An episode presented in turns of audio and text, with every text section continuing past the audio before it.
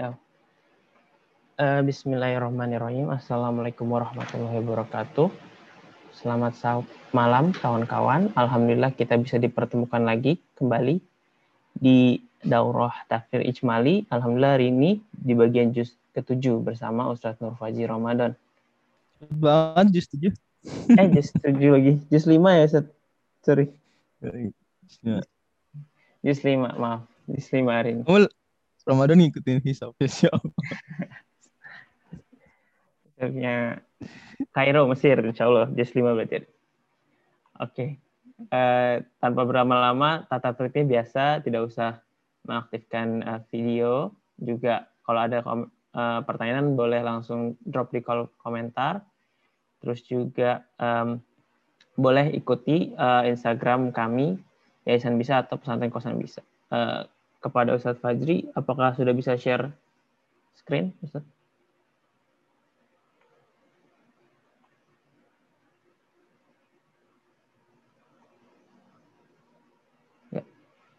Dipersilahkan.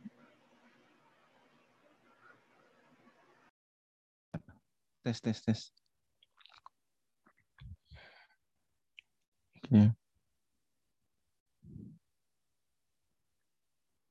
Bismillahirrahmanirrahim. Assalamualaikum warahmatullahi wabarakatuh.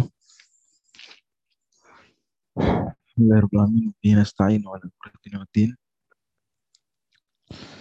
Alhamdulillah wa kafa sallallahu Nabi Muhammadin wa ala alihi wa sahbihi ajma'in wa ba'd. Yang saya uh, para panitia yang saya banggakan para peserta. Ini adalah juz yang kelima dari Al-Quran Al-Karim dan juz kelima bermulai dari surat An-Nisa ayat 23. Mm -hmm. Atau lebih tepatnya ayat 24. Ayat 24, ayat 23 ini akhir juz 4 ya. Ayat 24 saya salah tulis sampai ayat 147 berarti dia seluruh juz ada di surat An-Nisa. Dan ini eh, cukup jarang terjadi. Satu juz di dalam satu surat saja itu cukup jarang terjadi. Hanya terjadi di uh, surat Al-Baqarah dan surat An-Nisa. Di surat Al-Maidah misalnya uh, tidak satu satu juz tidak sampai di satu surat full gitu. Karena juz 6 ada sebagian di surat Anisa juz kemudian Al-Maidah di tengah-tengahnya ada juz 7 gitu ya. Surat Al-An'am juga begitu. Tengah-tengahnya ada juz 8 surat Al-A'raf tengah-tengahnya ada juz 9 di surat yang panjang lagi surat At-Taubah tengah-tengahnya ada juz 11 awal juz 11 tapi kalau surat uh, An-Nisa, Masya Allah, juz 5 semuanya di dalam surat An-Nisa. Ini istimewa di situ. Oke, karenanya kemudian dia keuntungannya adalah fokus bahasanya ke satu tema besar. Apa tema besar tersebut? Yaitu sudah saya sebutkan. Tema besar dari surat An-Nisa adalah perintah untuk bersatu padu dalam Islam, berbingkaikan kasih sayang. Karenanya kemudian semua hukum di dalamnya, semua kisah di dalamnya, walaupun surat An-Nisa hampir tidak ada kisah. Hampir-hampir tidak ada kisah. Malah kalau mau fair dia tidak tidak ada kisah yang betul kisah sebetulnya. Kalau boleh kita sebut eh, artinya hampir hampir terutama di juz di juz 5 ya, kita bicara juz 5. Nanti di juz 6 surat An-Nisa juz 6 ada kisah. Ada benar kisah ternampak sebagai kisah. Adapun juz uh, 4 di bagian surat An-Nisanya dan juz 5 di surat An-Nisa semuanya itu kalaupun ada kisah kisahnya tidak menyebut nama kisahnya tersirat gitu ya. Seperti itu. Atau kisahnya hanya Allah bilang mereka begini mereka begitu. Ada ada kejadian. Tapi bukan sebagai suatu story dan ini membuat kita semakin sadar ini nuansanya sudah semakin madani sekali sangat madani di antara ciri Maki banyak cerita.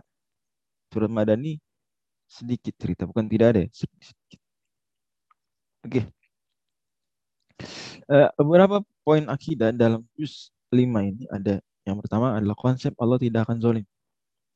Diterangkan Allah Subhanahu wa taala firmankan innallaha la yadhlim mithqala. Dan ini sebetulnya terkait dengan konsep takdir nanti akan kita bahas secara khusus.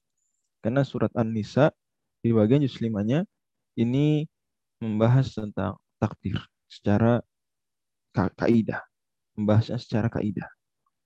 Bagi kemudian juga secara uh, maksudnya Allah tidak akan zalim, para ulama ada dua pendekatan menjelaskan makna Allah tidak akan zalim.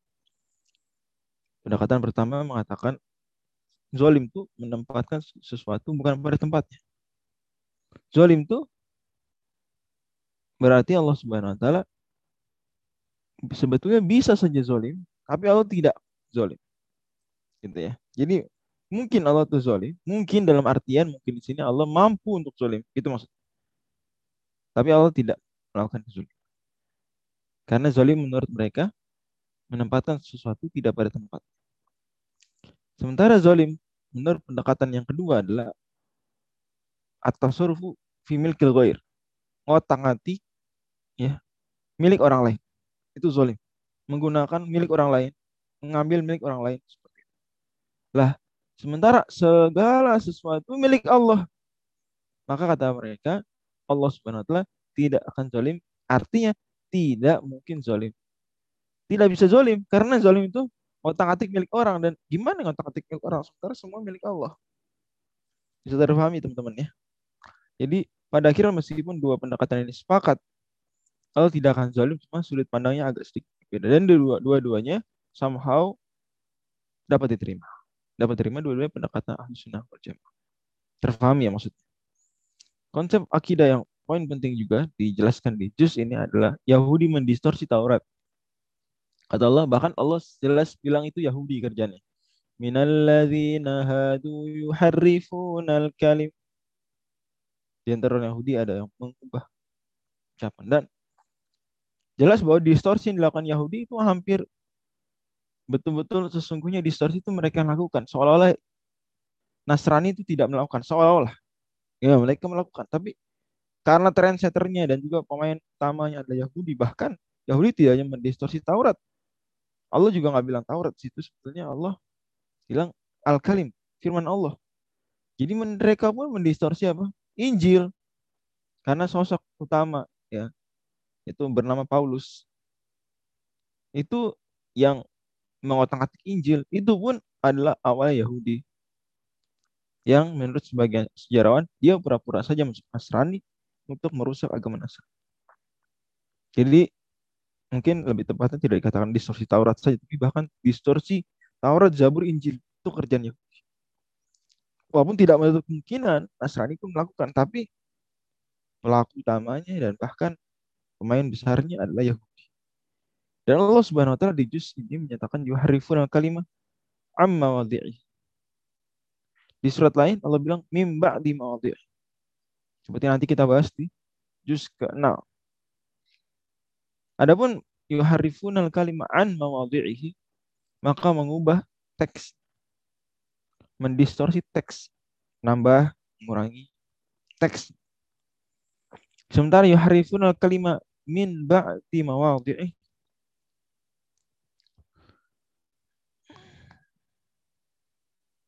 Oh, dua-duanya juga ada di juz, juz 5 ya. Dua-duanya ada betul sekali. Ya, dua-duanya ada ya. Yuharifun kalimah. Ya, dua-duanya ada di juz 5. Jadi ada yuharifun kalimah an maudi dan ada yuharif coba saya pasti. Yuharifun kalimah an maudi dan ada yuharifun kalimah min Oh, enggak, enggak. Oke. Okay. Eh, ah ya, nggak ada satu lagi benar di juz di juz Karena saat di juz surat An-Nisa semuanya an. Surat Al-Maidah ada yang an ada yang min maudi. Oke, intinya kita mau tekankan Yahudi melakukan distorsi. Nanti mungkin pembahasan tentang bedanya an dan min di detailnya di pertemuan mendatang ya, di besok insyaallah. Oke, jadi an maudhi'i itu mendistorsi teks. Adapun min ba'di maudhi'i maka mendistorsi tafsiran distorsi Jadi ayatnya oke. Okay. That's it. Itu memang begitu teksnya Allah turun. Tapi tafsiran yang mereka paling mereka selewengkan. Jika nanti insya Allah dibahas teman esok. Oke, kemudian poin penting juga dari akidah yang dibahas di juz ini adalah uh, azab neraka itu berulang-ulang. Kullama nadijat juluduhum badalnahum juludan ghairaha liyadzuqul adzab. Setiap kali hangus kulit mereka, Allah gantikan dengan kulit yang lain, yang baru. Bukan kulit yang tadi, kulit yang baru. Liyadzuqul adzab kata Allah alasannya hikmahnya agar mereka semakin merasakan adab. Karena kalau kulit yang sudah hangus dibakar ya dia tidak merasakan. Tapi kalau kulit baru masih sehat dibakar dia merasakan. Kemudian juga Allah Subhanahu wa taala menyinggung tentang orang yang ganti ganti agama.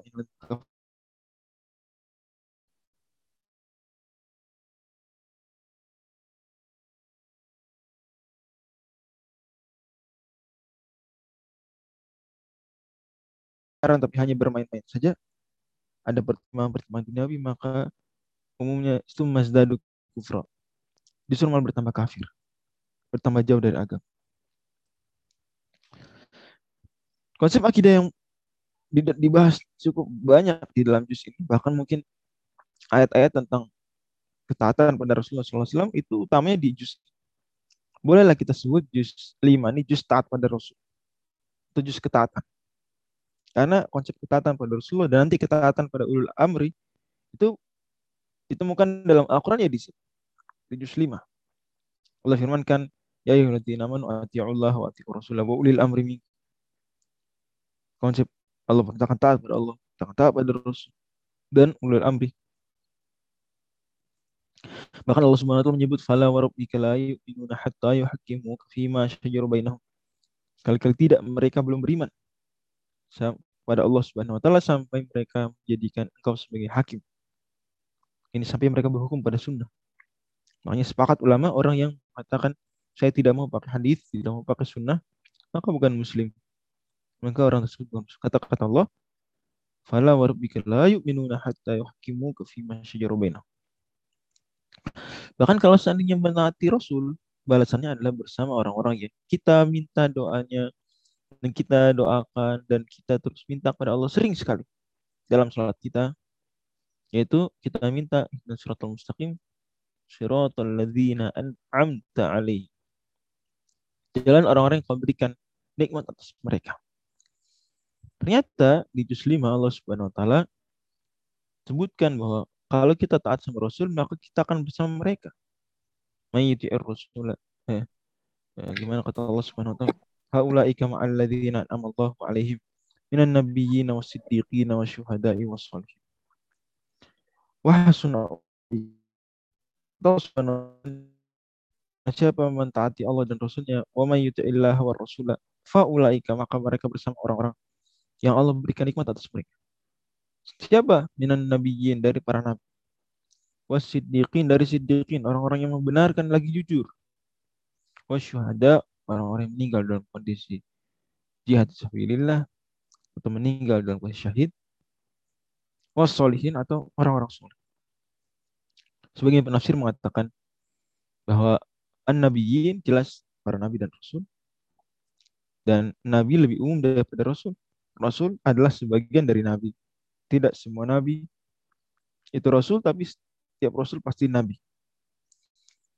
Wash terus kemudian kata Allah, Wasiddiqin, as-siddiqin penghulunya adalah Abu Bakar. Wasyuhada, syuhada penghulunya adalah Umar dan Utsman dan Ali radhiyallahu. Wassalihin, orang-orang soleh adalah para sahabat yang lain kita doa ya Allah. Tunjukilah kami jalan yang lurus. Ya ini jalannya para sahabat. Jalannya para nabi. Kemudian juga di ayat 80 masih juz 5 Allah Subhanahu bilang bahwa mayyiti rasulah faqad ata'u siapa yang taat sama rasul maka sungguh sebetulnya dia telah mentaati. Karena barangkali ada orang yang bertanyakan saya taat sama Allah ah, Rasul enggak? Loh kamu taat sama Rasul itu sama dengan taat sama Allah berarti pemahaman kebalikannya tidak taat sama Rasul berarti Allah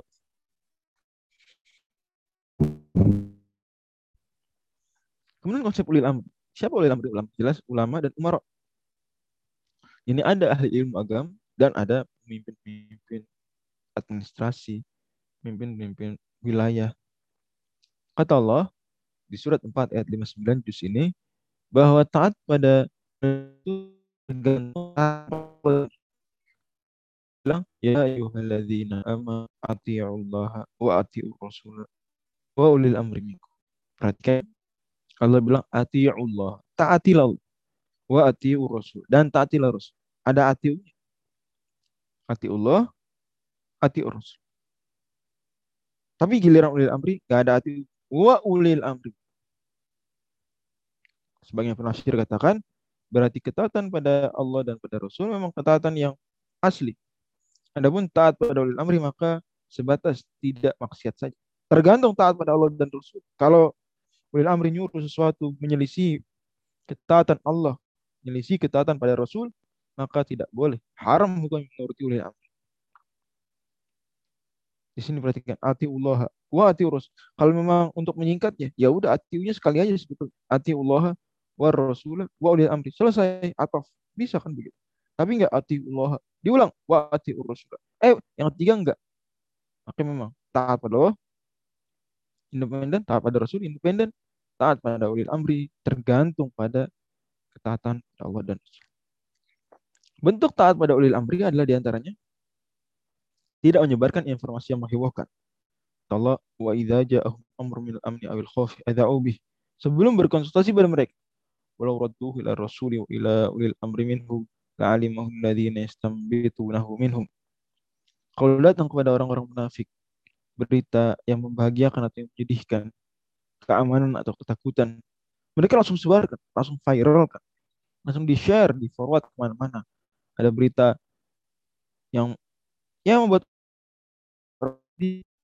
berita yang mengerikan, berita yang mungkin malah membuat terlalu membuat senang. Tidak terjamin kebenaran. Gitu ya. Aza'ubi mereka seperti Padahal harusnya kalau berita-berita seperti informasi seperti itu dikembalikan dulu ke ulil amri. Tanya dulu, tabayin dulu. Ini betul nggak berita? Termasuk konsep ulil amri, makanya jangan sampai karena ulil amri tergantung taat pada Allah, taat pada Rasul, jangan sampai menjadikan ulil amri kita malah malah kafir dan memang kafir tidak bisa jadi ulil amri pada akhirnya tidak sah menjadi pemimpin haram kata Allah Subhanahu wa taala ya ayyuhalladzina amanu la tattakhidul kafirina awliya min dunil mu'minin. Wahai orang-orang beriman jangan kalian jadikan orang-orang kafir sebagai aulia sebagai teman dekat sebagai pemimpin. Teman dekat saja tidak boleh apalagi pemimpin. Dan makna aulia mencakup keduanya. Tidak betul kalau dibatasi hanya teman dekat tapi tidak pemimpin atau sebaliknya. La tattakhidul kafirin awliya min Kemudian konsep yang Allah terangkan dalam surat An-Nisa juz 5 adalah konsep dosa besar, konsep al-kabair. Bahwa memang dalam Islam ada namanya al-kabair. Dan ada yang bukan kabair. Dan ini jelas Allah taala sebutkan di surat 4 ayat 31 In tajtanibu kabaira ma tunhauna anhu nukaffir ankum sayyiatikum. Kalau kalian meninggalkan dosa besar, maka dosa kecil kalian terampuni, auto terampuni. Ini konsep pertama. Konsep kedua, dosa besar itu masih mungkin Allah ampuni meskipun orangnya nggak tobat sampai meninggal. Kalau ada orang melakukan dosa besar, ternyata dia sampai meninggal nggak tobat, Gimana di akhirat? Jangan dijawab, oh kalau gitu masuk neraka langsung. Sampai dosa besarnya habis baru masuk surga. Belum tentu juga. Tidak harus. Yang benar jawabannya bukan begitu. Yang benar jawabannya dia terserah Allah. Kalau Allah mau ampuni, Allah ampuni. Langsung, tanpa perlu masuk neraka dulu. Langsung masuk surga bisa. Bisa. Kalau dosa besar begitu. Kalau Allah mau masuk neraka dulu, masuk neraka. Bisa. Wa man yamut walam yatub minal khata fa amruhu fawadun lidzil atwa demikian kata Imam As-Safari Barang siapa meninggal dunia belum sempat tobat dari dosa besar maka perkaranya di akhirat terserah Allah Subhanahu wa Nah, ini beda dengan kemusyrikan. Kalau kemusyrikan berbuat musyrik seseorang meninggal belum taubat maka ya tidak diampuni. Itulah makna innallaha la yaghfiru an yushraka bihi wa yaghfiru ma duna yasha. Ya, maknanya bukan berarti orang tidak bisa tobat dari kemusyrikan. Enggak. Konteksnya ayat sedang bicara di akhirat. Ini di akhirat kalau ada orang masih bawa musyrik, Allah nggak ampuni lah. Tapi ada di akhirat orang bawa dosa besar masih mungkin. Yaghfiru ma duna dzalika liman yasha bagi Allah. Tapi kalau dia musyrik dunia, kemudian taubatnya di dunia juga sebelum meninggal, ya jelas diterima. Kok para sahabat banyak dan mereka tadinya orang-orang musyrik.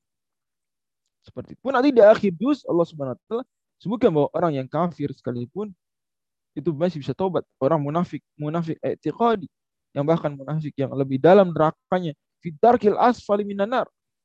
Di neraka paling dangkal, itu pun masih bisa tobat. Masih bisa tobat. Daripada apalagi yang lain. Okay, next. Makanya hierarki dosa seperti ini. Kelihatan nih, ada kemusyrikan, ada dosa besar, ada dosa kecil. Oke, dosa kecil untuk menghilangkannya harus tobat nggak? Tidak harus dia bisa hilang dengan tobat itu yang terbaik bisa hilang dengan amal soleh bisa auto hilang dengan amal soleh dan kalau ada hadis ya kebanyakan ulama berpendapat kalau ada hadis menyebutkan akan diampuni dosa dengan amal soleh tertentu maka maksudnya dosa kecil. Seperti misalnya bulan Ramadan. Man soma ramadhana iman wa ihtisaban ghufir lahu ma taqaddama min dhanbi yakni dosa kecil. Man qama ramadhana iman wa ihtisaban ghufir lahu ma taqaddama min dhanbi yakni dosa kecil. Kaidahnya dosa yang terhapus dengan amal soleh itu dosa kecil. Adapun dosa besar maka harus tobat. Dosa kecil kita ninggalkan dosa besar saja dan itu ketaatan. Meninggalkan dosa besar itu adalah ketaatan, pahala.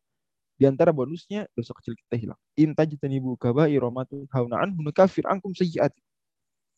Adapun dosa besar maka harus ditobati untuk menghilangkannya. Tapi pun kalau meninggal sebelum tobat maka orang tersebut masih tahtal masyiah, di bawah kehendak Allah. Kalau Allah mau ampuni, bisa. Kalau Allah mau hukum dulu, bisa. Tapi tidak kekal di neraka. Dosa besar dan dosa kecil tidak mengeluarkan seorang dari tauhid. Ya, mengurangi iman. Dosa kecil mengurangi iman. Dosa besar mengurangi sekali iman. Tetapi tidak sampai nol. Adapun kemusyrikan, jelas ya kemusyrikan di atas dosa besar. Nah, dia konteksnya ketika kemusyrikan kemusyrikan yang disebut kemusyrikan syirik besar ah, maka mengeluarkan dari Islam. Maka menghanguskan pahala amal mengekalkan orangnya di neraka. Dan kalau orang musyrik belum sempat tobat sampai meninggal ya sudah berarti auto tidak diampuni oleh Allah next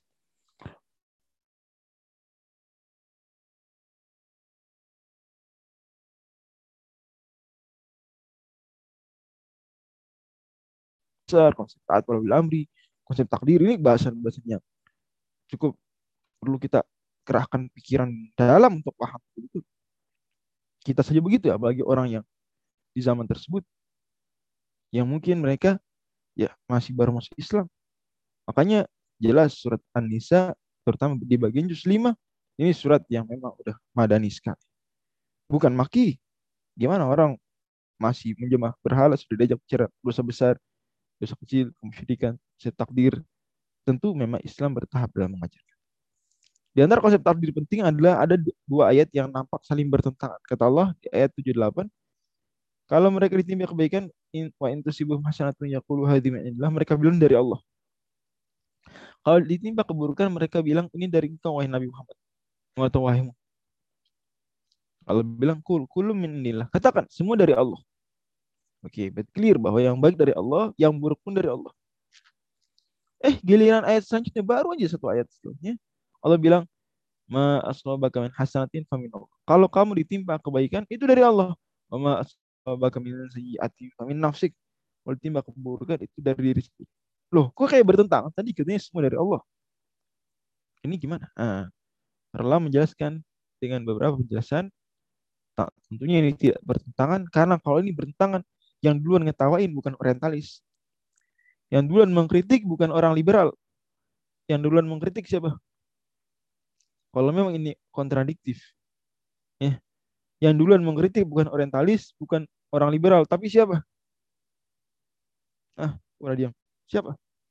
Tentu orang-orang munafik waktu itu, orang-orang Yahudi waktu itu. Mereka dengar ayat. Oh mereka, Nabi itu tidak sembunyikan ajaran Al-Quran nyatanya mereka tidak mempermasalahkan berarti memang mereka paham maksudnya masing-masing. Apalagi di juz ini juga Allah bilang afala yatadabbarunal Qur'an. Mengapa mereka tidak tadabburi Al-Qur'an? Walau kana min 'indi ghairillahi lawajadu fihi ikhtilafan katsira. Kalau seandainya Al-Quran bukan dari Allah nih, saya mereka akan jumpai kontradiksi yang banyak di dalam. Ini juz yang sama bilang itu, maka tidak mungkin. Ini ada kontradiksi. Pemahaman yang benarnya adalah mengatakan bahwa, oh, semua dari Allah, baik dan buruk. Tapi giliran menisbatkan, jangan kita katakan ini keburukan dari Allah. Itu sebagai adab. Kita katakan ini keburukan karena salah saya. Giliran ada kebaikan baru sadarkan jadi yakin kita oh bahwa nilai jelek dari Allah juga, nilai baik dari Allah. Tapi kalau nilai bagus bilang alhamdulillah ini dari Allah. Giliran nilai buruk ya betul dari Allah, tapi nggak usah bilang itu dari Allah. Sebagai etika bilang aja oh saya kurang belajar. Oh ini salah. Seperti itu. Itulah yang Nabi SAW katakan dalam doanya wal khairu biyadaik wa syarru laisa ilaik. Kebaikan ada padamu di kedua tanganmu dan keburukan tidak disandarkan kepada engkau etika. Adapun hukum fikih maka hukum fikih yang sangat populer tidak begitu mendetail tapi terkait dengan utamanya hal-hal yang sifatnya dijumpai sehari-hari. Ya, pernikahan, minuman keras, tayamum, etika mengucapkan salam. Ditambah beberapa hukum pidana seperti tadi Homer, kemudian pembunuhan tak sengaja. Bahkan ada beberapa aturan terkait ibadah mengkosor sholat dan sholat khauf. Semuanya di juz 5. Nah, ada ayat penting di juz 5 ini yang mana ilmu Asyafi pernah suatu ketika Imam Syafi'i terkena. Beliau mengatakan dalam buku beliau, oh ijma adalah dalil. Di antara dalil agama adalah ijma kesepakatan ulama. Oke, Quran jelas, sunnah jelas. Di juz ini ditekankan sekali. Taat Allah, tak terus. Mana ijma Imam Syafi'i ditantang. Mana dalil ijma? Dalil Quran bilang ijma adalah argumen dalam agama. Dalil adalah hujah. Imam Syafi'i kemudian bilang, beri saya waktu. Imam Syafi'i kemudian tamatkan Quran tiga kali dalam tiga hari. Jadi sehari sekali khatam. Kemudian setelah itu baru besoknya atau tiga hari setelahnya datang ke orang yang bertanya mengatakan ayat saya sudah dapat ayat. Wa may yushaqiqir rasul min ba'di ma tabayyana lahul huda wa yattabi' ghayra sabilil mu'minina nuwallihi ma tawalla wa nuslihi jahannam wasa'at masira. Dan kata garis kata kuncinya adalah yang digaris bawahi wa yattabi' ghayra sabilil mu'minin. Mengikuti jalannya bukan jalan orang mukmin. Kata beliau, sabilul mu'minin ijma. Di dalam surat ini, surat Anisa sesuai namanya, isu tentang wanita tentu. Dan siapa pun yang peduli pada isu-isu terkait wanita harus banyak mentadaburi surat Anisa. Di dalamnya ada wala tatamannau ma faddalallahu bihi ba'dakum ala ba'd.